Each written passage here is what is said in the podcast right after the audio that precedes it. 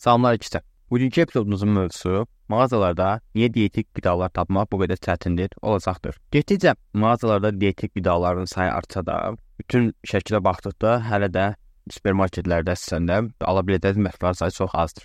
Bunun bir çox səbəbi vardır. İstədim bunları bir-bir sizinlə bölüşdürüm və qərar verək ki, mağazalardan nələr ala bilərik, nələr dietik qida kateqoriyasına daxildir. Çünki Əslində o qədər məhsul var ki, üstündə dietik yazılır, amma əslində heç onlar da dietik deyillər, amma dietik məhsul olmuş kimi satışa çıxırlar ki, daha çox alıcı tapsınlar. Yəni həmin məhsulları axtaran insanların daha çox diqqətini cəlb etsinlər. Burada ilk ağla gələn şeylər dietik batonlar olur, hansı ki, bir çoxun üstündə fitness sözü və sair yazılır, güya çox sağlam bir qidada var. Üstünü açıb içini oxuduqda, yəni arxasında onsuz da bütün qidaların arxasında yazılır ki, kimdə nələr var. Yəni ən məşhurlarından götürsək, hansı ki, səninlə müvafiq girib fitness sözü gördüyünüz ağ paketlərdə olan. Arxasında açıb oxusan, yəni sadəcə bir cümlə içində belə 2 dəfə şəkər və qlukoza sözlərini görə bilirsən, hansı ki, o da başqa bir şəkərdir. Yəni dietik qida ilə satılan bir məhsul bu qədər şəkər var içində və ad olur ki, bu dietikdir və daha da dietik etmək üçün ən çox istifadə olunan şey onlara taxılı şəkilləri qoymaq və taxılı etmək, sanki bu da onun daha sağlam edilmişcəsinə.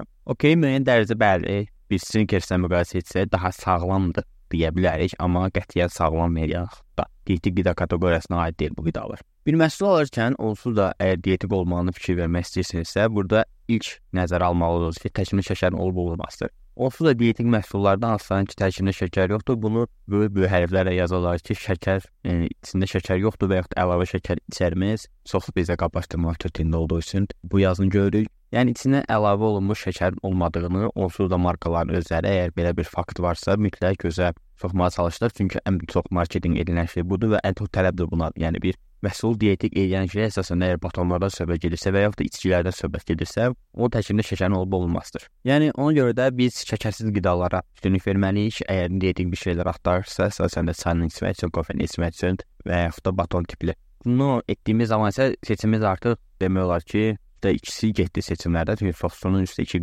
dietik adı ilə satılan qidaların tərkibində onsuz da şəkər var. Əlbəttə çox az opsiyon qalır və bizə bunlar arasında seçim etməliyik. Amma təəssüflü bir halda bu sözsüz ki, kaş daha çox məhsul və qida olardı ki, hansı ki biz daha çox seçim arasında daha çox seçim edə bilərdik. Bu həmçinin qiymətlərə təsir edir. Yəni sözsüz ki, seçim artdıqca rəqabət də artır deyə bir növ firmalarda artıq daha aşağı qiymətə bazarda aşağı çəkməyə çalışacaq ki, həmin məhsul tələb də artsın. Amma belə olduqda əgər siz cəmi 2 dənə 3 dənə seçiminiz varsa, artıq burada qiymət heç çox böyük bir rəqabət də olmayacağına görə məhsul markaları arasında onda bir növ bu qiymətə də üstəsini göstərir və qiymətlər də getdikcə qalxır. Məhz bu tip səbəblərə görə də insanlarda belə bir təsəvvür yaranır ki, sağlam qidalanmaq daha bahalı başa gəlir və əslində müəyyən qədər həqiqət də var bunda. Çünki paketlənmiş qidalar daha qeyri-sağlam, daha fast food zincirlərində və yaxud da restoranlarda satılan qidalar hər zaman həmin qidanın daha yaxşı satıldığı yerdən daha ucuz olacaq. Çünki daha yaxşı restoranlarda söz ki, daha yaxşı inqrediyentlərdən istifadə olunur və bu da qidanın keyfiyyətini və həmçinin də məlum məsələ ki, qiymətini artırır. Həmçinin də paketlənmiş qidalar zavodlardan kütləvi halda istehsal olunur deyə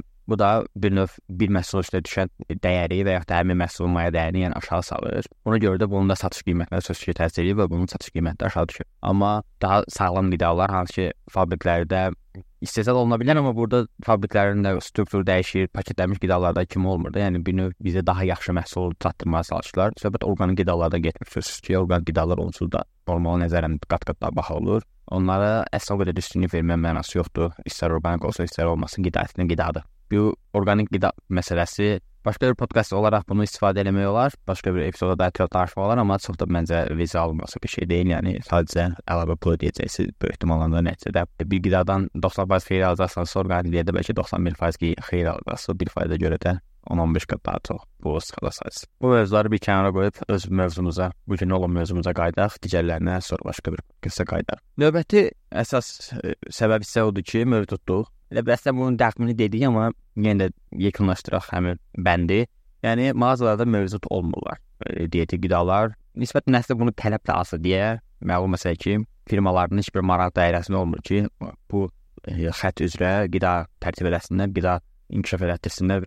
Yəni bazarda az olur bu qidalar. Növbəti şey isə evə toxunduq. Bir növ tələb azdır deyə qiymətləri nisbətən daha yuxarı olur sağlam qidaların. Bu necə formalaşır? Yəni daha az alıcı var deyə daha az məhsul bazarda olur. Bayaq dediyimiz kimi həm rəqabət az olur, həm tələb azdır. Buna görə də məhsulun da qiymətləri qalxır. Bundan başqa sözsüz tərkibində səbəbi var. Yəni dietik qidalar və yaxud da sağlam qidalar digər qidalara nisbətən daha yaxşı inqrediyentlərə sahibdirlər deyə daha bahalı olur. Məsələn, belə deyək də, əgər siz daha dietik bir baton alırsınızsa, bar, hər hansı bir supermarketdə, bunun tərkibində ki, şəkər olmayacaq. Şəkər hansı ki, ən ucuz inqrediyentdə bir növ bir qidanı şirinləşdirmək üçün. Şəkər yerinə sobaq qurumadan istifadə olunur, hansı ki, şəkərin daha bahadır. Yəni demək ki, artıq məhsulun qiyməti qalxdı. Və belə şeylər üst-üstə gəlirsə, gəldikcə həmin məhsulun qiymətini daha da qaldıracaq deyə daha bahaya satılmış olacaq və bir növdə daha baha olduğu üçün artıq insanlar daha fərqli alternativlərə, daha qeyri-sağlam qidalara yönələcəkdir. Növbəti şey isə bir növ həmin məhsulların supermarketlərdə qalma ömrü və yaxud da ki, paketlənmə ömrü deyək ki, yəni bir çox fabriklərdə hazırlanan qidalar onsuz da illərlə xarab olmadan qala bilirlərsə, sağlam qidalarda bu vaxt aralığı çox-çox daha az olacaqdır. Yəni həmin qida daha tez xarab olacaqdır. Bu da bir növ onları, yəni burada belə bir məntiq yaranır ki, artıq firmalarda bu tip məhsullar çıxartmağa qarşı maraq azalır. Çünki həm tələb aşağıdır.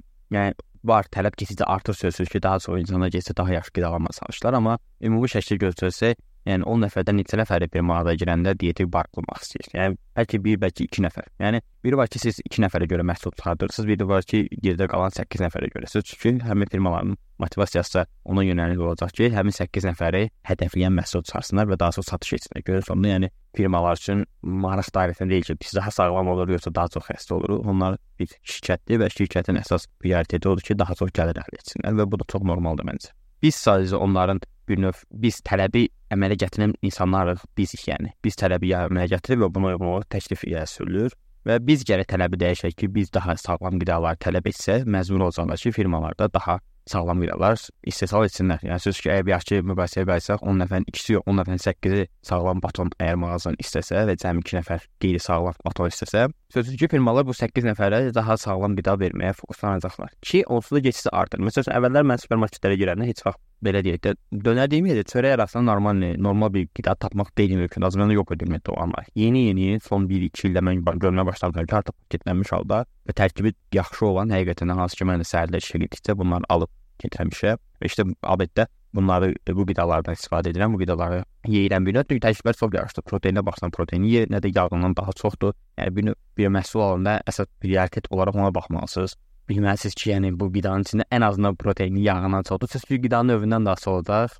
Amma e, bir yeməkdən söhbət gedirsə, sizin bir gün otu yeməyinizsə, mütləq proteini yağından daha çox olsa daha yaxşı olar. Yəni bu tip qidalar görürsüz, yetkidə insanlarda tələb artır deyə, bu sağlam qidalanmağı, bu idman həyatını insanlar bir-birlərinə keçib daha çox aşırırlar deyə məcbur olurlar marketlərdə bu tip qidaları artıq paketləşdirib satmağa. Hansı ki, əvvəllər heç bir mağazalarda bu yox. Əvvəllər mağazada nə vardı? Ümumi məlumatları vardı. Hansı ümumi məlumatlar ki, onlara sadəcə yağdan ibarətdir.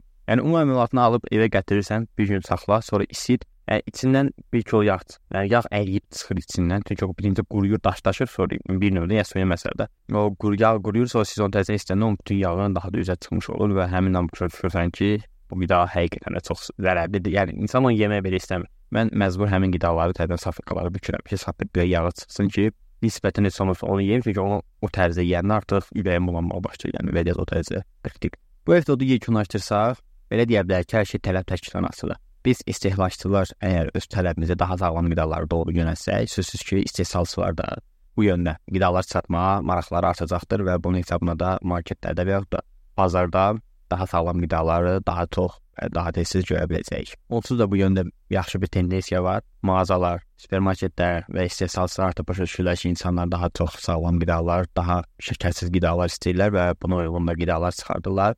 Həmçinin sahibkarlar da daha yaxşı kafelər açmağa çalışırlar. Artıq kafelərdə getdikcə qidaların kalorisinin yazılması da artır. Yəni bir növ hər kəs başa düşür ki, insanlar daha sağlam olmaq istəyirlər. Bu tip mənim tipində podkastları hazırlayanlar sayı artır. Sağlamlığı aşılamağa çalışanlar Instagramda olsun, digər sosial platformalarda olsun artır. Və bu çox yaxşı bir şeydir. Yəni bir şey başa düşməliyik ki, bir hər bir fərd nə qədər sağlam olsa sözsüz ki, bu öz cəmiyyətində təsir edəcək və gələcəyində təsir edəcək və bizi daha yaxşı bir cəmiyyətə doğru aparacaqdır. Özünüzə yaxşı baxın, ən əsası isə sağlam qalın. Hələlik görüşənədək.